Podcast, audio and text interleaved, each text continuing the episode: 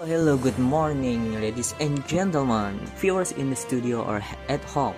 Back again with me, Fariz Fauzy, in our favorite program, Sport News. Yes, on this occasion we will discuss about badminton and on this occasion we will also have a very special guest star. He is a professional badminton athlete who has won many achievements and various competitions. I'm glad to proudly welcome our guest star at this morning, Anthony Sinikisuka Ginti.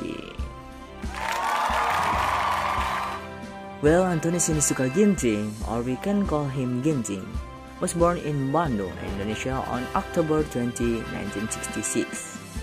Maybe most of people in here already know Ginting. Here I will explain some facts about Ginting. 1.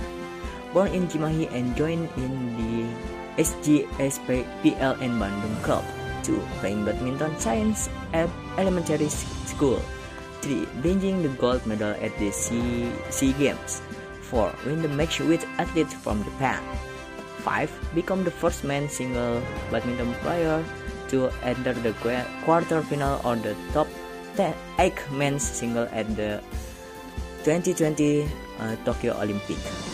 Well, ladies and gentlemen, from him we can learn many things. A never-ending struggle can achieve all desire.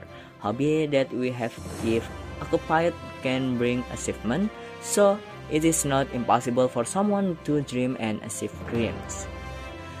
Well, ladies and gentlemen, please give a massive round of applause to our favorite star, Ginty.